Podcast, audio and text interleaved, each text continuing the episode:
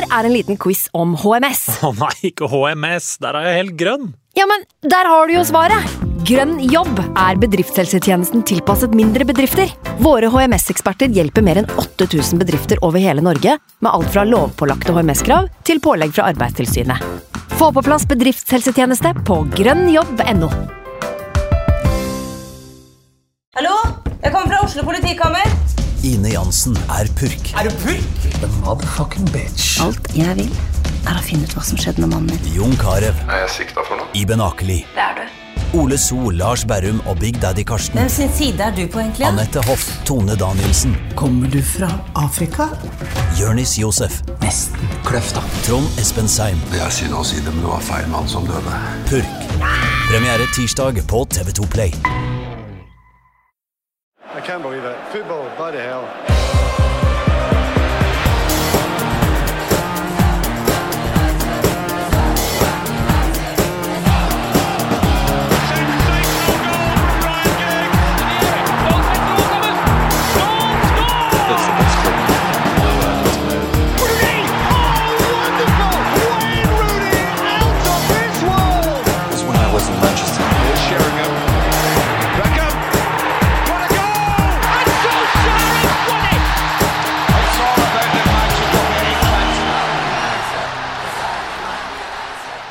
Velkommen skal du være til en hasteepisode av United We podcast. Nå måtte sommerferien slutte, for plutselig så skjedde det så forbaska mye spennende som vi må ta med oss. Derfor så har jeg fått med meg United.no-redaktør Dag Langerød. God sommerdag. Hei sann, hei sann, Ken. Ivrig, eller? Jeg er veldig glad.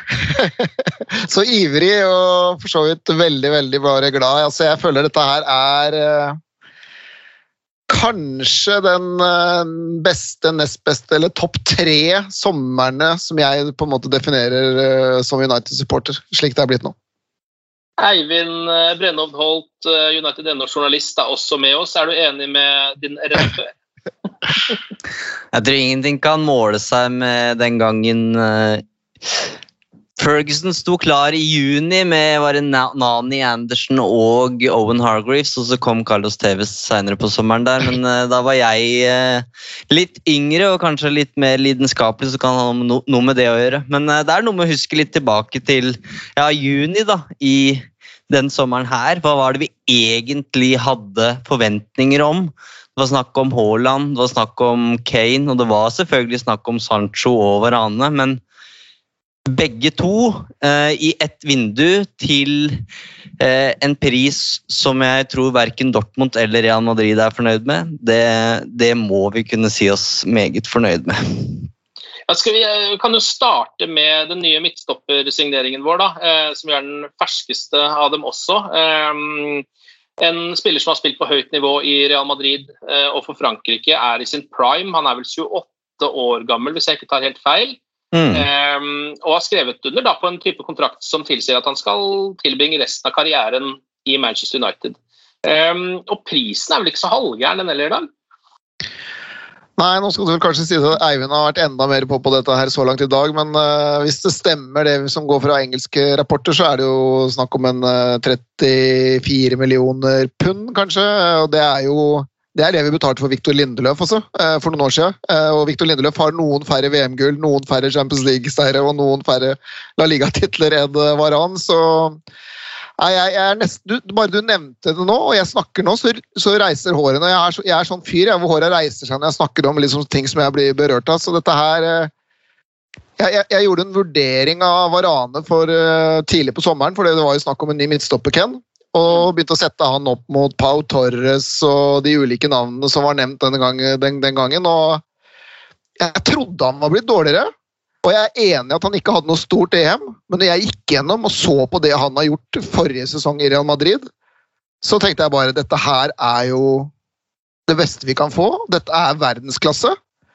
Og det sitter vi igjen for samme pris som for Victor Lindeløf for mange år siden. Det vi betalte for han.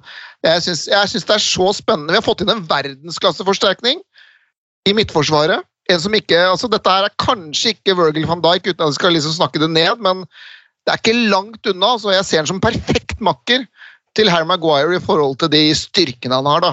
Så kan det hende at jeg sitter her i november og så snakker vi om han der Varane-fyren som ikke klarer å få stokkarbeidet sitt, men jeg tror ikke det. Jeg tror ikke det.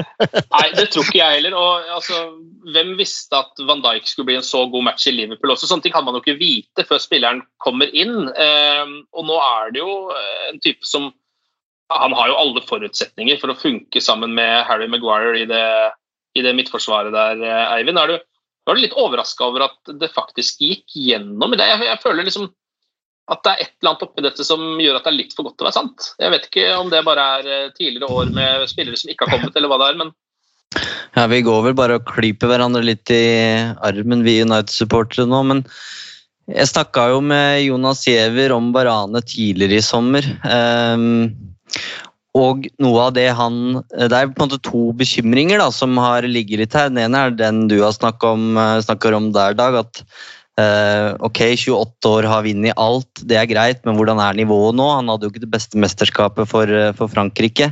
Um, og den andre handla jo om uh, en Ramos-sammenligning her, da. vil Varane nå bare bruke United for å få en ny kontrakt i, i Real Madrid? og Jonas syns jeg ga gode svar på begge de to. Da. Han kjenner jo naturligvis situasjonen i Real Madrid bedre enn det vi gjør. Eh, og han setter to streker under svaret om at eh, Rafael Varane er verdensklasse. Du får en 28-åring, han er jo ikke gammel, han er jo i sin prime.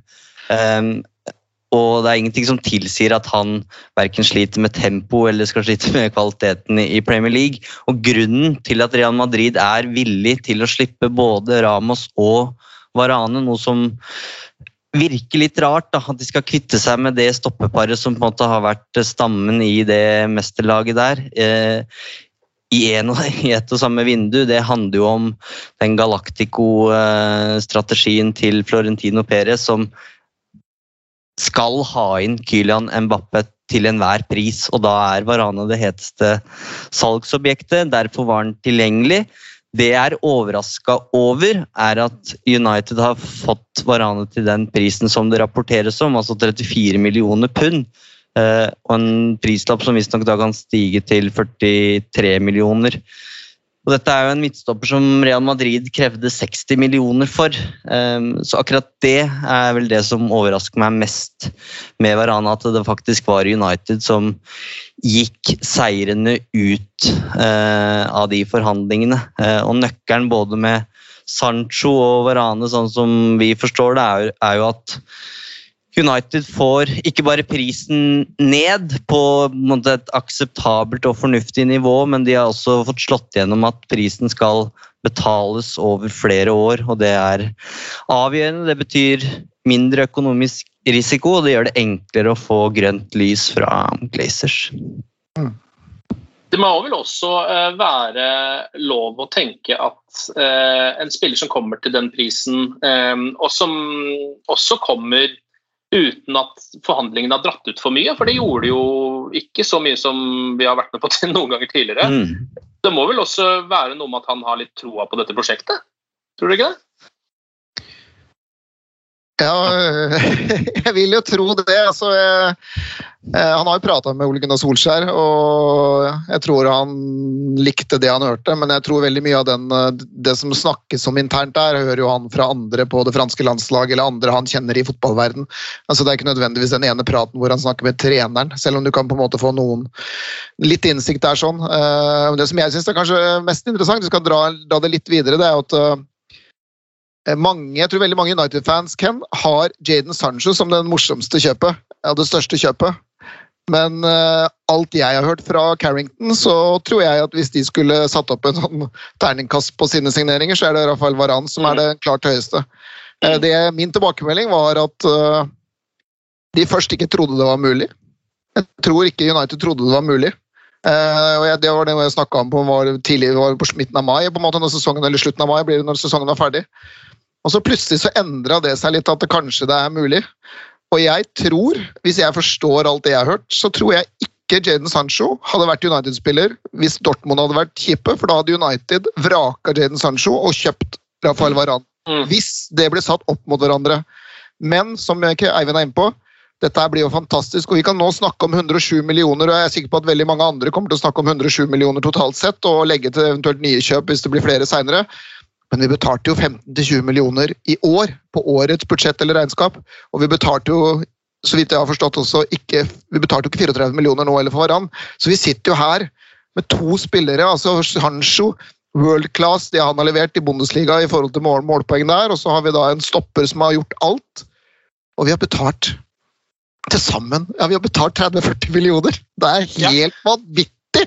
Hvor Ja, det er den nettoen der som er viktig her, Dag. Sånn, vi meldte her på Twitter at vi skulle spille inn episode i dag, og det er jo litt artig. Vi har liksom signert Sancho og Varane. Varane er ikke i boks engang, men det, det de fleste er opptatt av, er jo eh, hvem som blir den neste. Eh, Men det er jo det også rapportene tyder på, at United er ikke ferdig. Glazer skal ha gitt eh, rekrutteringsteamet med John, John Murto og Darren Fletcher i spissen der 100 millioner pund til rådighet. Eh, Det budsjettet er vel nå egentlig da brukt opp, eh, men alt som frigjøres av spillersalg kan benyttes til nye spillere. Og det, den lista er ganske lang, da, med Paul Pogba som det heteste overgangsobjektet der. Ifølge ESPN så er ikke han egentlig villig til å signere ny kontrakt, og det betyr at han kan selges i, i sommer. Og det er jo flere andre her som har vært nevnt flere ganger. altså Hva skjer med Bailly og Jones f.eks. når Varane er inne? Jesse Lingard, eh, hva skjer med, med han, Daniel James, Anthony Martial til og med? Så her kan det frigjøres både 50, 60 og 70 millioner, eh, og da kan det faktisk komme enda en, eh, og da mm, får vi se hvem det eventuelt blir, da, men da begynner det jo virkelig å lukte svidd av det vinduet her. Ja, men jeg synes jo, for å være helt ærlig, at det lukter mer svidd av vinduet hvis Pogba bare blir. Så at man slipper å kjøpe spillere. Det er det delte meninger om. Ja, det, vet jeg, det kommer det alltid til å være om. Jeg vet ikke om dere så det han holdt på med i EM. men Nå mista han jo ballen så de røk ut på et tidspunkt, men før det så var han jo kanskje EMs beste spiller. Um, Så ja, jeg vet ikke hvordan, hvordan skal man erstatte det også. Det blir ikke så enkelt, det.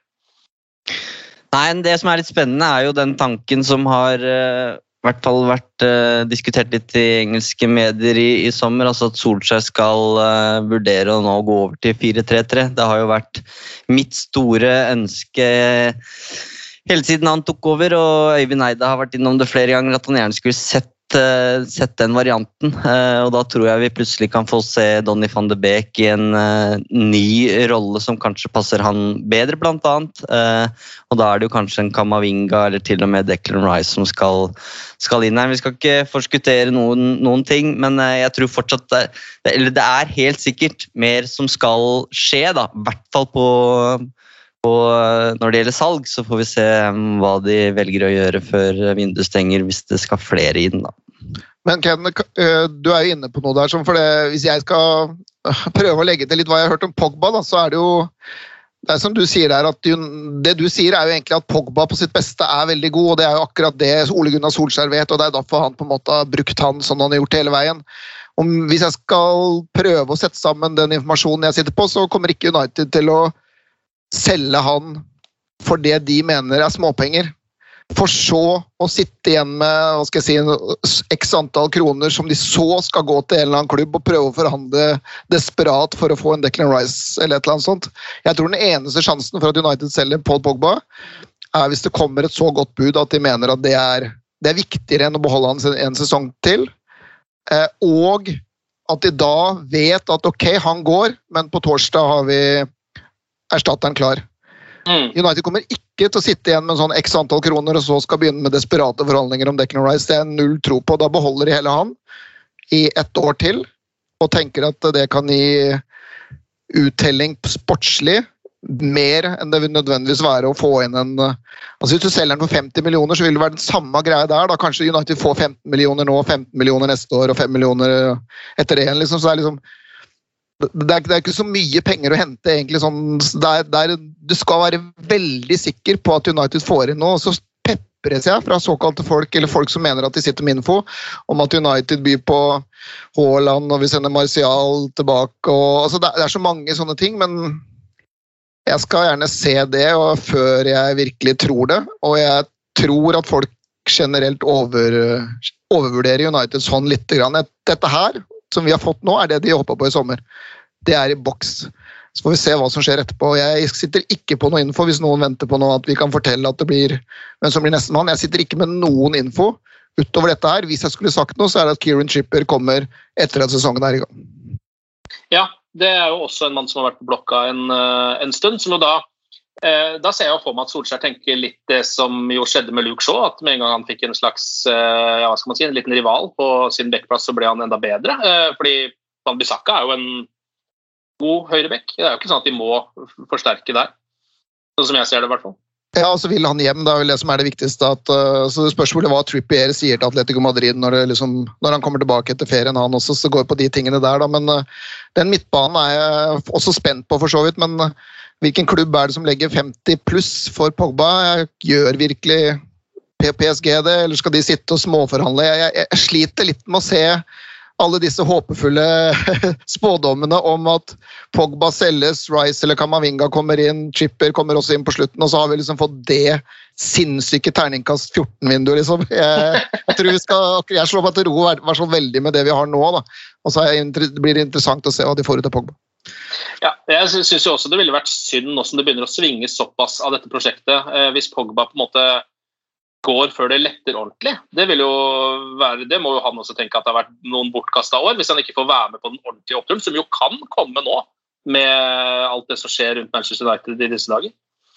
Jeg vil jo tro at um, det å få inn Sancho og Varane, det øker jo sannsynligheten for at Pogba ønsker å bli værende, ønsker å være en del av det prosjektet. og det, Alt tyder jo på at han har et godt forhold til, eh, til Solskjær og sånn sett trives godt på Old Trafford. Men vi veit eh, hvilken agent han har som eh, driver av og ikke bare hvisker, men skriker han inn i øret. Um, og Det kan godt hende at vi går inn i sesongen han står uten, uten ny kontrakt, og det er en mulighet for at han da holdt på å si kan ombestemme seg i løpet av det året og, og signere. Men det er også mye som tyder på at han ønsker å, å flytte på seg. Så får vi se hvem som uh, eventuelt står, står klare. Da. Men jeg tror egentlig det er litt sånn som vi er inne på her, at det er ingen som veit med Pogba. Jeg tror heller ikke Rayola, Solskjær eller Pogba sjøl helt veit hva fremtiden uh, bringer nå. Det er litt sånn klassisk Han har vel ikke returnert til Carrington ennå, så vi får vente til, til det skjer. og så skal vel også være sagt at jeg tror mange United-supportere er lei. Altså, vi ser alle hvor vanvittig god han kan være for Frankrike, men vi får det jo bare glimtvis i typ hver tiende kamp i, i, Manchester United. og Nå har han vært der i fem år, og skal vi liksom gå inn, inn i enda en ny sesong og, og håpe på det der greiene om at han skal uh, bli den uh, Frankrike-Pogba da, Paul Trafford, som vi, som vi ser den i mesterskap. Hvorfor skal det nødvendigvis løsne akkurat nå? Mm. Men eh, Dere var litt innom det i stad, Eivind. Men det her vil jo, når man får inn en eh, verdensklasse midtstopper, som jo åpenbart skal være eh, makkeren til Harry Maguire, det er vel alle enige om, eh, så vil jo det få ringvirkninger for resten av troppen. og Da tenker jeg spesielt på de sinnssyke mengdene med stoppere som faktisk er i Manchester United. Sju stykker. Ja, hva skjer der? Altså, du nevnte Bailly. Eh, Phil Jones har jo ikke spilt på så lenge jeg kan huske. Eh, Aksel Tuan Sebe, Lindeløf for den saks skyld. Skal han finne seg i å være en soleklar eh, ligacupspiller, liksom? For å starte fra toppen, jeg, jeg leste noe nå om at Solskjær regner med at det blir rundt 60 kamper i, i, år. og Det betyr at han trenger minst tre stoppere som skal rullere, liksom. Eh, og Det er ikke noe tvil om at det er Maguire og, og Varane som er førstevalget der. Den er så soleklar som du får det.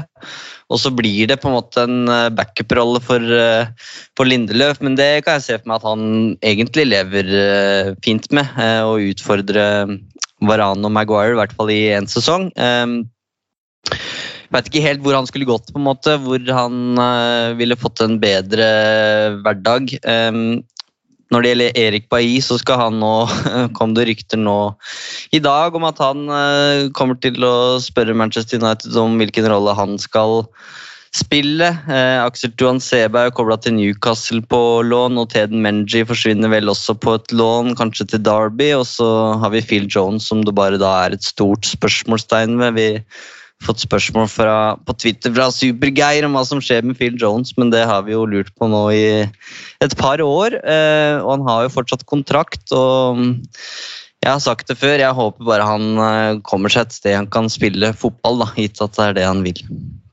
Jeg kan bare, jeg må si, bare si om Phil Jones da, det er sånn, Hvis jeg først eh, på en måte snakker med England angående hva som skjer med United, så har jeg liksom Det er ikke alltid jeg føler jeg kan snakke til evig tid med det som er mine kontakter. i hvert fall, og Jeg føler ikke at Phil Jones er det jeg skal bruke tida mi på, for å si det litt brutalt.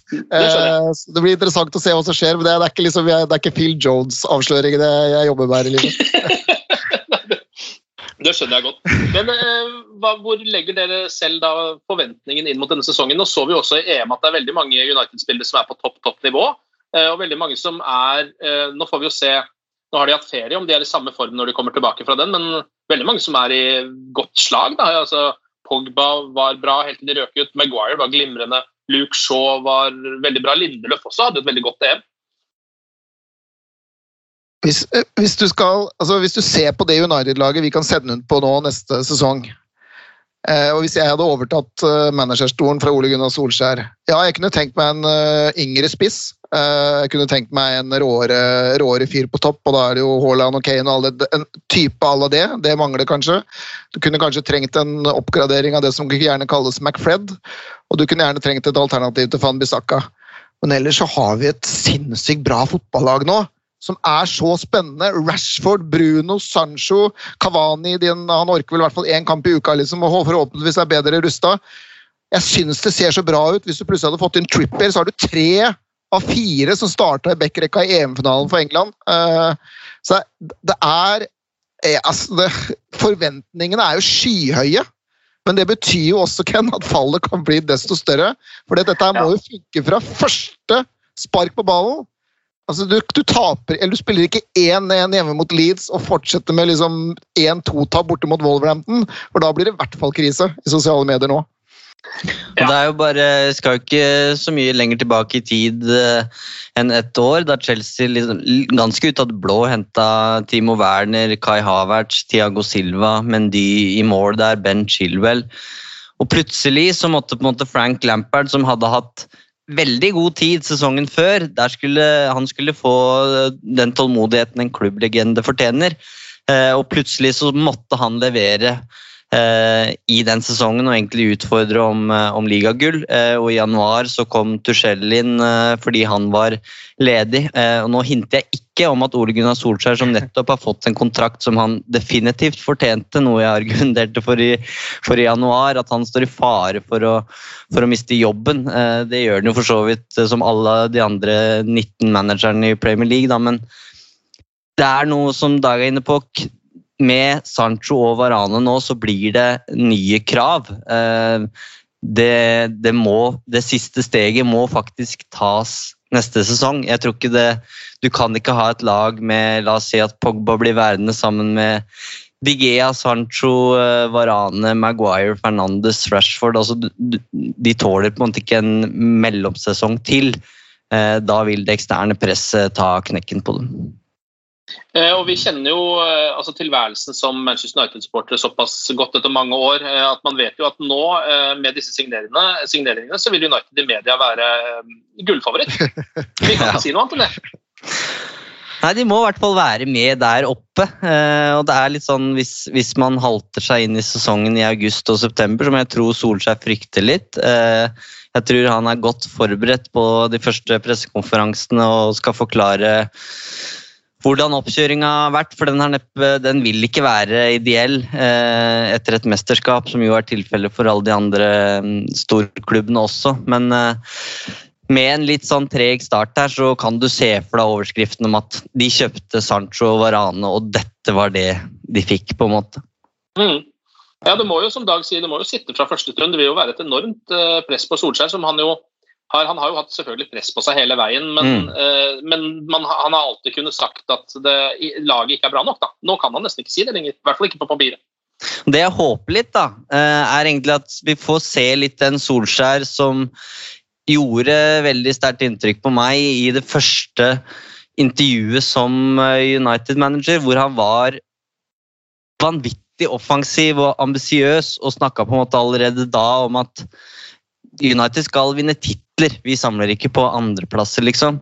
Nå sier jeg ikke at han har eh, for så vidt sagt så mye annet, men er, han har nok blitt litt mer forsiktig i framtoninga og, eh, og vært litt mer passiv da, etter hvert som han har lært seg hvor, eh, hva det innebærer å være United-manager. Og jeg tror med de signeringene som er gjort i sommer, og, og den sikkerheten da, som er i Manchester United om at dette prosjektet her det vil kunne, kunne ta dem et sted, så tror jeg han stiller på startstreken ganske selvsikker. Da. Jeg håper vi får se en, en litt offensiv eh, Solskjær, at han får svar fra gruppa i form av en god start. Da. Det hadde vært deilig.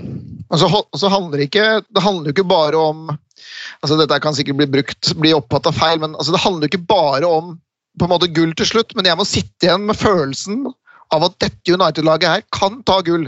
Det er vel så viktig om United eventuelt får ti poeng mer i serien og taper ligagullet med fire poeng, liksom, så er det én ting, men vi må se at vi nå klarer etter hvert å bryte ned lavtliggende lag. Altså, vi må se at vi kanskje slår City fortjent 2-0 hjemme. Altså, du må sitte med sånn den følelsen da, at den bare forsterkes med de forsterkningene vi har fått. Det er den jeg er veldig ute etter. At vi liksom ser at dette laget her kan vinne Champions League hvis de er on a roll. Og det, Den har ikke alltid vært der, da. Eh, og det er liksom et neste steget. Og så er selvfølgelig også det å ta titler viktig, men eh, det er flere måter å kalle det måle framgang på, for å bruke et Solskjærs utskjelte sitat fra, fra et par måneder siden. Jeg tror det er et nøkkel, eh, et, en nøkkelturnering der, altså Champions League. Der har jo ikke United hevda seg på, på altfor lenge. Og det er, må jo være en del av pakka her. fordi For mange av de andre Premier League-lagene, til og med liksom Chelsea nå sist, Spurs før det, så har de jo gått langt i Champions League, selv om de ikke har gjort det så nødvendigvis så bra i serien. Um, og Da får man jo et inntrykk av noe som kan ja, komme seg helt på toppen av Europa igjen. da. Og det, det, må, det må jo skje med Manchester United. Man kan ikke fortsette å drite seg ut i Champions League med det laget her. Og så er det noe med at øh, det er ikke så mange år siden på en måte topp fire var et, øh, et sånt håndfast mål. Det var på en måte målstreken. At så lenge man kom seg inn i topp fire, så, så var på en måte sesongen godkjent. Der er vi jo på en måte forbi nå. nå. øh, Som Dag sier, de trenger ikke nødvendigvis å ta Premier League-gull, men de må være der oppe og nikke og være med i tittelracet som en reell utfordrer. da. Eh, og ikke minst adressere de de tinga som vi har sett eh, som, de har, eh, som de har slitt med. Vi har, kan jo si det, Dag, vi har jo fått et intervju med Ole Gunnar Solskjær som kommer i, i det nyeste medlemsbladet i august. Og der snakker han jo litt om eh, bl.a. Sancho og neste sesong eh, og krava, da, som, eh, hva, som, hva som må bli bedre. Det er jo også deilig som nordmann og United-supporter å se at Ole Gunnar Solskjær um, klarer å få disse spillerne. Det var vel kanskje en av de tingene som talte mot ham da han fikk jobben. Altså, både at han var urutinert, men også at han var, hadde for lite navn til å hente verdensklassespillere som dette til United. da. Um, Det var jo liksom litt av grunnen til at man henta Mourinho en gang i tida. At man visste han fikk de navnene, i hvert fall. Det gikk ikke helt veien. Nå er Solskjær der, det er bedre stemning i gruppa, og han får faktisk også disse spillerne. Det er jo en ja, utvikling for han som manager. Men folk jeg, blir, jeg, blir jo, jeg er jo blant de som blir provosert når jeg leser det eller hører folk som sier det. For det, de, de som sier det, har jo ikke peiling. De kjenner ikke Ole Gunnar Solskjær. Eh, vi snakker jo om en av de smarteste fotballspillerne som var. Som fantes. En av de mest ålreite spillerne. Altså, hvor, som skapte venner på en måte, og skapte vennskap uh, rundt seg. Som nå har blitt manager. En leder som forener. Han, han står for alt det som eh, Kalle Mourinho ikke klarte, og Louis van Gaal heller ikke klarte. da. Og så sitter man her og tenker at fordi han er fra Norge og han kun har Molde-erfaring, så skal han liksom ikke ha peiling. Altså Vi snakker om en som har levd et liv på høyeste nivå siden 1996. Uh, har skaffa seg så mange relasjoner, er så flink til å foredle de relasjonene. Når jeg møter deg, så snakka han før, bare sånn de få gangene jeg har møtt han, altså sånn, Du går jo to hoder høyere. Og Hvis han bare tar med seg litt av det i all annen uh, all andre samhandling med folk på og utenfor, så, så jeg, jeg blir litt sånn derre Da driter jo folk om han er Ole Gunnar Solskjær. Det handler om hva han gjør på banen, hva han står for, og ikke minst hva trenerteamet står for. For dette er ikke Solskjær alene heller, det er det som er viktig. Altså, dette handler om hele teamet, hvordan du blir behandla som menneske. Og Der, er det, der scorer Solskjær, tror jeg, ganske høyt. Ja, jeg synes jo Det jo, var jo en eh, seier for Solskjær eh, rundt hele verden, bare det å se Luke Shaw eh, spille dette EM, egentlig. Når man vet hva han har vært gjennom og hva som må til for å få en mann med akkurat den type syke som har vært så knekt, opp på et sånt nivå igjen. Det er jo en helt fantastisk jobb. Altså, det er, jeg tror ingen andre kunne klart akkurat det der. Det er, det er jo utrolig imponerende, rett og slett. Men så, men så, vet, men så vet vi heller ikke da, det, si det, der, det ene som er veldig usikkert Vi fikk 74 poeng i år, Ken. Vi vet at Liverpool og City har rasa inn på over 90 et par av sesongene de siste åra. Hvor klare, Hva er toppnivået vårt? Det vet vi ikke. Selv med Sancho og Varane kan den gjengen her, med det trenerteamet vi har og de spillerne og de prinsippene som ligger her altså Hvis vi får ti poeng mer, så er det 84. Det egentlig i seg selv ville vært en fantastisk fremgang sånn ligamessig. Men det kan godt hende at vi er ti poeng bak ligagullet også. ikke sant? Så det er, det er et vanvittig nivå. Hvis Ole Gunnar Solskjær leder United til topps, eh, Ken, så er han på en måte verdens beste manager. For da slår han akkurat nå Pep og Klopp. Og Det er vanvittig å snakke om det, egentlig. Ja, det er, Det er, det er jo litt akkurat det, da. Det handler jo litt om hva han eh, Pep eh, og for så vidt Klopp eh, foretar seg før eh, vinduet stenger. da. Hvis Pep Guardiola får det som han vil og får Harry Kane og Jack Grealish, så er jeg redd det bare er å dele ut det ligagullet, på en måte. Men eh, hvis det blir som det er i, i, i mens vi snakker sammen nå, så, så er United må jo de regnes som en eh, seriøs tittelutfordrer. Eh, Jeg vet ikke om du har noen eh, spørsmål der, Eivind, fra Twitter som eh, vi ikke har eh, vært innom, ja, som vi kan eh, ta mot tampen der? Vi kan jo snakke litt om den norske signeringa som er gjort uh, midt oppi alt uh, sirkuset med Sancho og Varane her. Vilde Bø Riise har jo kommet til et uh, kvinnelag som dessverre har Det har vært flere negative nyheter der enn positive, for å si det forsiktig. Casey Stoney er jo borte, og det er en drøss av spillerne også. Så det er jo store spørsmålstegn her, men det er morsomt at det er en, eh, en norsk eh, spiller med der. Da. Du har jo snakka med Dag. Ja, det var torsdag, det. Det var 22. juli. Det var litt sånn spesielt at du skulle snakke om den store, største overgangen i hennes liv på den, eh, Mm. den verste dagen i Norges nyere historie, på en måte. Men eh, nei, jeg er veldig veldig spent på hennes vegne. Jeg må bare innrømme at her var jeg, som jeg sa til henne ganske tidlig det ute i det intervjuet, at jeg er litt som en fisk på, på land. eh, For jeg har jo ikke sett veldig mange Sandviken-kamper, og jeg har ikke sett en eneste Kopparberg-Göteborg-kamp for kvinner. Eh, Og det er veldig spesielt å sitte og snakke om en spiller som har gått til Manchester United når man ikke har helt har kontroll. Da. Og så har jeg gjort litt research, sånn, men jeg skal bare si bare det broren hennes Jeg begynner hele saken i United-supporteren med det. Broren hennes begynner med å si at vi har, en, eh, vi har en ting vi sier i vår familie. Uavgjort er ikke godt nok. Det er på en måte det som ligger i bunnen. da. Og hun er en skal være en vinnerskalle. Uh, Mista faren sin veldig tidlig, midt i tenårene. Gikk på et års skade, uh, 21 år gammel. Men har bare slått tilbake og reist seg igjen. Da. Uh, jeg tror kanskje du tar med deg noen grunnleggende hva skal jeg si, ja, Hvis ikke du lar deg knekke av sånne ting, så tror jeg det styrker deg på en eller annen måte videre i livet. Da. Og som hun sa, United er altså Hun feirer ikke, feira ikke den overgangen her, for dette er et bra steg på veien. Men dette er ikke noe mål i seg selv å komme til United. Målet er å vinne Champions League. Og helst selvfølgelig med United når hun er der nå. Så det er liksom den, der, den offensiviteten da, som hun har med seg, og så har vi jo kvinnelaget også fått et par andre spillere, syns jeg er spennende. Så jeg har et veldig håp om at jeg vet ikke, Eivind, eh, eller for så vidt Ken også, om dere vet, jeg, jeg har ikke noe inntrykk av at United har gitt opp kvinnelaget, selv om det på en måte det skjedde mye som ikke burde skjedd det siste halvåret. Så, så har jeg håp om at på en måte de kan på en måte bygge noe halvveis nytt og slå, slå tilbake igjen da, med, med norske Vilde Bjør Risa på laget. Det er jo sånne spillere eh, Manchester United vil ha, iallfall. Det er det ikke noe tvil om. Hvis man sitter med den mentaliteten der. Eh, det er jo der man må legge lista, rett og slett. Ja, og, og vokste opp som United-supporter, noe som også synes jeg bare er litt kult. da, for det er jo, altså Hvor mange i verden er det som vokser opp som liksom United-supporter og blir United-spiller? Det, det, det er så kult! Ja, det er jo faktisk eh, Ja, det er, det, da har du da har, du, da har du fått det til, rett og slett. Det er ikke noe mer å si om det. Eh, er det noen andre ting der, Eivind, som det er interessant å snakke om? Ja, det er jo, eh, En ting er at vi har signert uh, to Eller vi snakker om Varane som han er i boks, men uh, vi, vi regner med at den går i orden. ikke er det nå, så ja. Da får vi spille inn uh, en ny, en ny sånn beklagelsesepisode. Men spørsmålet er jo når vi kan få se de her i, i aksjon.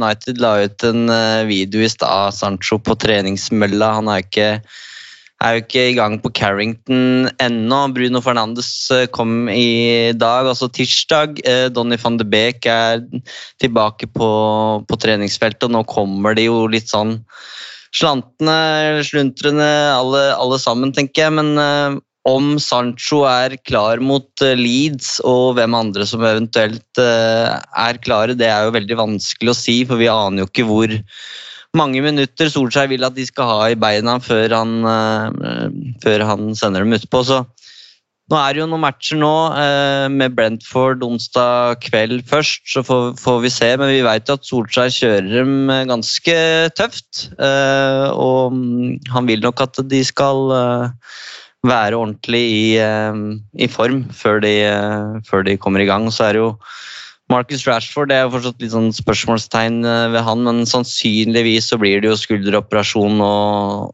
og tre måneder ute på han. da. Ja, jeg trodde det nesten var avklart, ja, men det er kanskje ikke det. Uh... Nei, Det ble skrevet i dag i Daily Mail at uh, han ønsker, ønsker det sjøl, mens United har hatt et håp om at den skulderen skal ordne seg sjøl i, i de tre ukene han har hatt ferie. Men det er vel litt mye å, å håpe på. Men uh, United vil nok gjerne ha han med, naturlig nok, fra, fra start. Men han ønsker å bli kvitt det skulderproblemet en gang for alle, og det virker jo veldig fornuftig. Altså nå husk, kan vi jo tenke på Marcus Rashford det siste halvåret eh, med EM og avslutninga på sesongen, og det var jo ikke Marcus Rashford. Så Mm. eh, han må nok altså Jeg vil jo heller ha en frisk Marcus Rashford enn enn en- den Marcus Rashforden vi har nå i tre måneder, og så blir det bare verre og verre, og verre, og verre, og så skal man utsette det. Eh, Så det høres jo veldig fornuftig ut å bare bli ferdig med det. Uten at jeg har noe veldig god medisinsk kompetanse, så jeg skal ikke si så altfor mye mer om det. Men det er jo noe vi da på en måte kanskje ikke har tatt med i betraktning, da, at vår, en av våre aller beste spillere kanskje ikke skal spille de første tre månedene i sesongen. Mm. Det kan jo åpne opp for eh, Mason Greenwood, f.eks., eh, som kan Ja. få en eh, veldig god start på sesongen og fortsette litt der han slapp i våres. Så mm, det var som Eller Jesse Lingard, som jo også er i god form, virker det som. Ja, og han er vel heller ikke ute av bildet, Dag. Du dekka vel de første matchene der? Ja, men jeg, ikke, jeg vet ingenting fra Uniteds side om eh, annet enn det som er offisielt om, om Lingard. Mm. Så det må vel sies å være uavklart, men uh, Martial eh, var vel så vidt jeg skjønte heller ikke tilbake på treningsfeltet med gruppa i dag. Jeg tror jeg har trent alternativt forrige uke.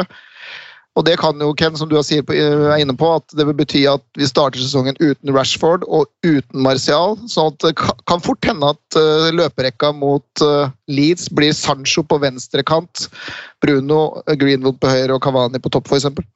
Mm. For det Sancho spilte jo mye venstre for, for Dortmund, og så er jeg velkjent med det. Så det er det som er så spennende med han, syns jeg, da, at han er så han kan bekle så mange roller. Han kan jo til og med være Bruno altså Hvis du spiller 4-2-3-1, da, så kan han fortsatt også dekke liksom, være Bruno-erstatter, hvis det er snakk om det. Så du, jeg tror det blir nok av matcher på den gjengen der, da. Men igjen, det viktigste tror jeg også var Ran i forhold til hans fart.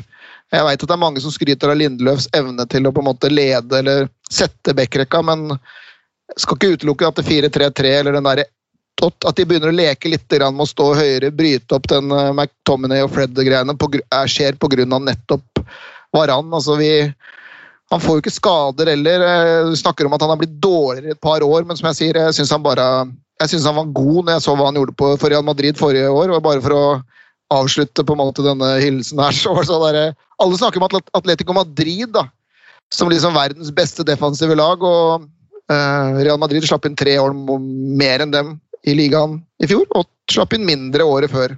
Med Mm. en Rafael Varan som uh, visstnok er veldig mye dårligere enn før. Så nei, jeg, jeg, er så, nei, jeg er så spent på dette her. Altså, det, og vi har en brukbar start også. Vi møter jo egentlig ikke noen superlag før litt utpå, så hvis dette laget her får litt flyt og selvtillit med i sesongen, så føler jeg at det er veldig store muligheter. Ja, det blir altså så enormt spennende. I teorien så er jo Varan Maguire et perfekt midtstopperpar, eh, tenker jeg, da med en med masse fart eh, og en med alt det andre. så det, det kan bli veldig fint, altså. Nå er det da altså De har spilt eh, en treningskamp allerede. Det ble et eh, 4-2-tap mot QPR eh, med et slags reservelag. Eh, Og det er vel de Man forventer vel å se egentlig veldig mange av den spillere av det kaliberet i de kampene som er opp mot. fordi du har vært inne på, så er det mange som ikke kommer tilbake igjen. Uh, Varan må vel i en eller annen karantene også før han i det hele tatt kan mm. tråkke ut på treningsfeltet. Så nå er det da Brentford i morgen kveld, og så Preston North End, og så Everton. Og så smeller det da på Old Trafford mot Leeds 14.8. Det begynner å nærme seg. Og det klør i både beina og hendene og trynet, kjenner jeg. For nå er jeg ivrig. Altså. Deilig. Det er deilig. Det er nydelig. Um, skal vi ta en lynrask prat om de nye draktene før vi gir oss? Uh, hva syns dere om uh, de nye hva skal man si, retro, veldig rene eh, hjemmedraktene til Manchester United. Ny sponsor som jeg ikke syns sitter helt, men ellers eh, syns jeg var grei. Det er alltid rart når det er en ny sponsor. Det blir eh, nesten feil uansett. Men jeg, jeg syns det er mye bedre enn, det, enn den svære Chevrolet-logoen som jeg syns ødela veldig mye. Uh, og så er jeg en som liker, liker det clean, da. jeg liker det klassisk, så for meg så var det der ti uh, av ti ganske enkelt, så jeg bare gleder meg til å se dem i aksjon. Og så syns jeg det er litt trist at Eller trist og trist. Den langarma er finest, men det er jo ingen som bruker den lenger. Og det syns jeg er litt uh, trist, jeg som begynner å bli gammel.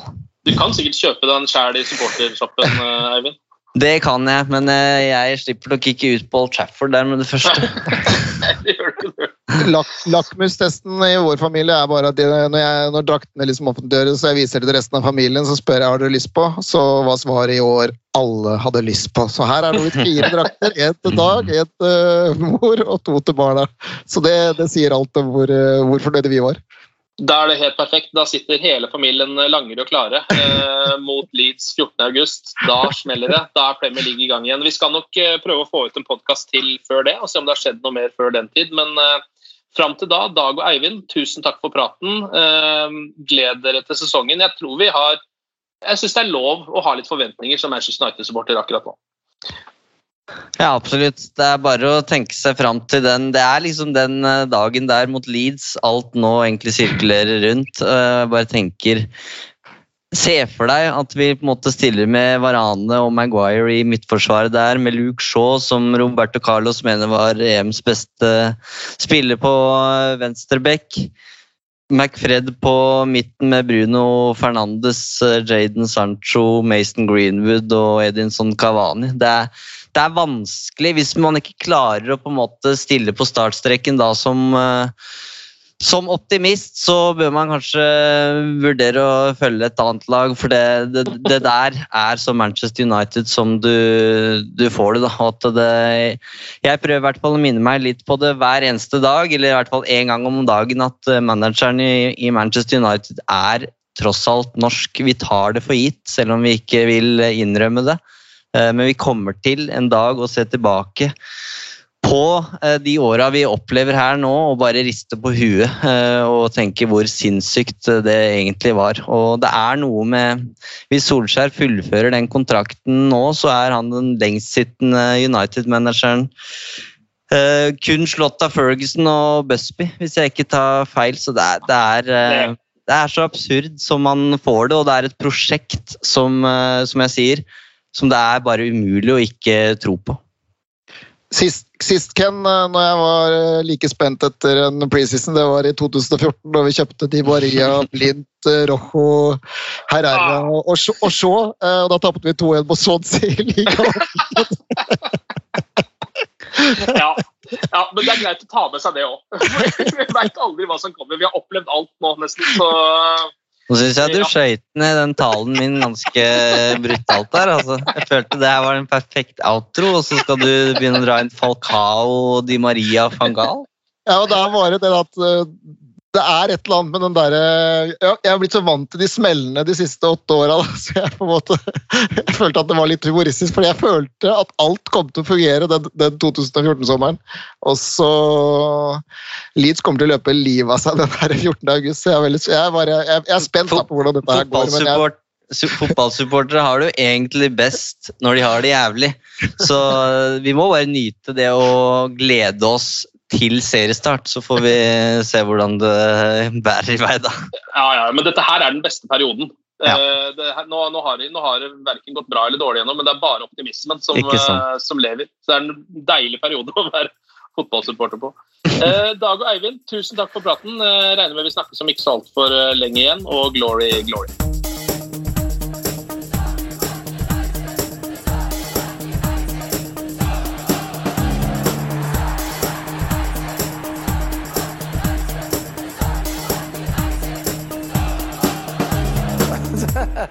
Oh, it's true. I've seen many things. Moderne media. Ukens annonsør det er matkasseleverandøren Hello Fresh. Der kan du velge mellom 25 ulike oppskrifter hver uke, eller få Hello Fresh til å sette sammen en meny for deg. Jeg sparer tid på å handle, oppskriften er veldig enkle å lage, og så får jeg akkurat det jeg trenger da, til hver eneste rett, så jeg slipper å kaste så mye mat som jeg vanligvis gjør. Det er også litt deilig å faktisk slippe å gå på butikken, ikke bare fordi det er tidkrevende, og sånn, men fordi man ender opp med å kjøpe så mye greier som man egentlig ikke trenger, sånn som fire poser eh, Smash og en kick med havsalt, eksempel. Det er ikke det du egentlig er der for, du er der for å kjøpe, kjøpe middag. Så det er en veldig eh, kjekk ting. I tillegg så er det jo eh, ferdigporsjonerte ingredienser, det blir mindre matsvinn, og du betaler bare for det du faktisk trenger, og det du faktisk da spiser. I tillegg så blir det da levert på døra til et eh, fastsatt tidspunkt, sånn at du kan få det akkurat når det passer for deg eh, sjæl. Hvis HelloFresh høres ut som noe for deg, så har jeg en rabattkode du kan bruke også. Gå inn på hellofresh.no og bruk koden HelloUnited24. HelloUnited i ett ord, også 24, og få opptil 1779 kroner i rabatt på de fem første matkassene dine hvis du ikke har prøvd HelloFresh ennå. Du kan også bruke koden hvis du tidligere har vært kunde, men har stoppa abonnementet ditt for tolv måneder siden eller mer. Det er ingen bindingstid, og du kan pause eller avslutte abonnementet ditt akkurat når du selv måtte ønske. Husk koden HelloUnited24, og bon appétit! Ukens annonsør er Folio, en smartere banktjeneste for deg som har en egen bedrift eller ønsker å starte for deg selv. Folio er en superenkel nettbank for bedrifter. Som kunde i Folio får du en bedriftskonto med et bedriftskort og app. I denne appen er det smarte løsninger som forenkler regnskapet ditt, uansett om du har en liten bedrift eller et enkeltpersonsforetak. Folio er både intuitivt og brukervennlig, og er laget med et enkelt språk. I tillegg tilbyr de forutsigbare priser og ingen skjulte gebyrer. Skulle du likevel trenge det, så kan du snakke med deres raske og hyggelige kundeservice, og der får du prate med en faktisk person og ikke en chatbot. Folio er med andre ord både enklere og koseligere enn banken. Over 10 000 bedrifter har allerede valgt Folio som sin banktjeneste, så besøk folio.no og se hvordan Folio kan forenkle din hverdag også. Har du et enkeltpersonforetak eller en liten bedrift? Da er du sikkert lei av å høre meg snakke om hvor enkelt det er med kvitteringer og bilag i fiken, så vi eh, gir oss her, vi. Fordi vi liker enkelt. Fiken superenkelt regnskap.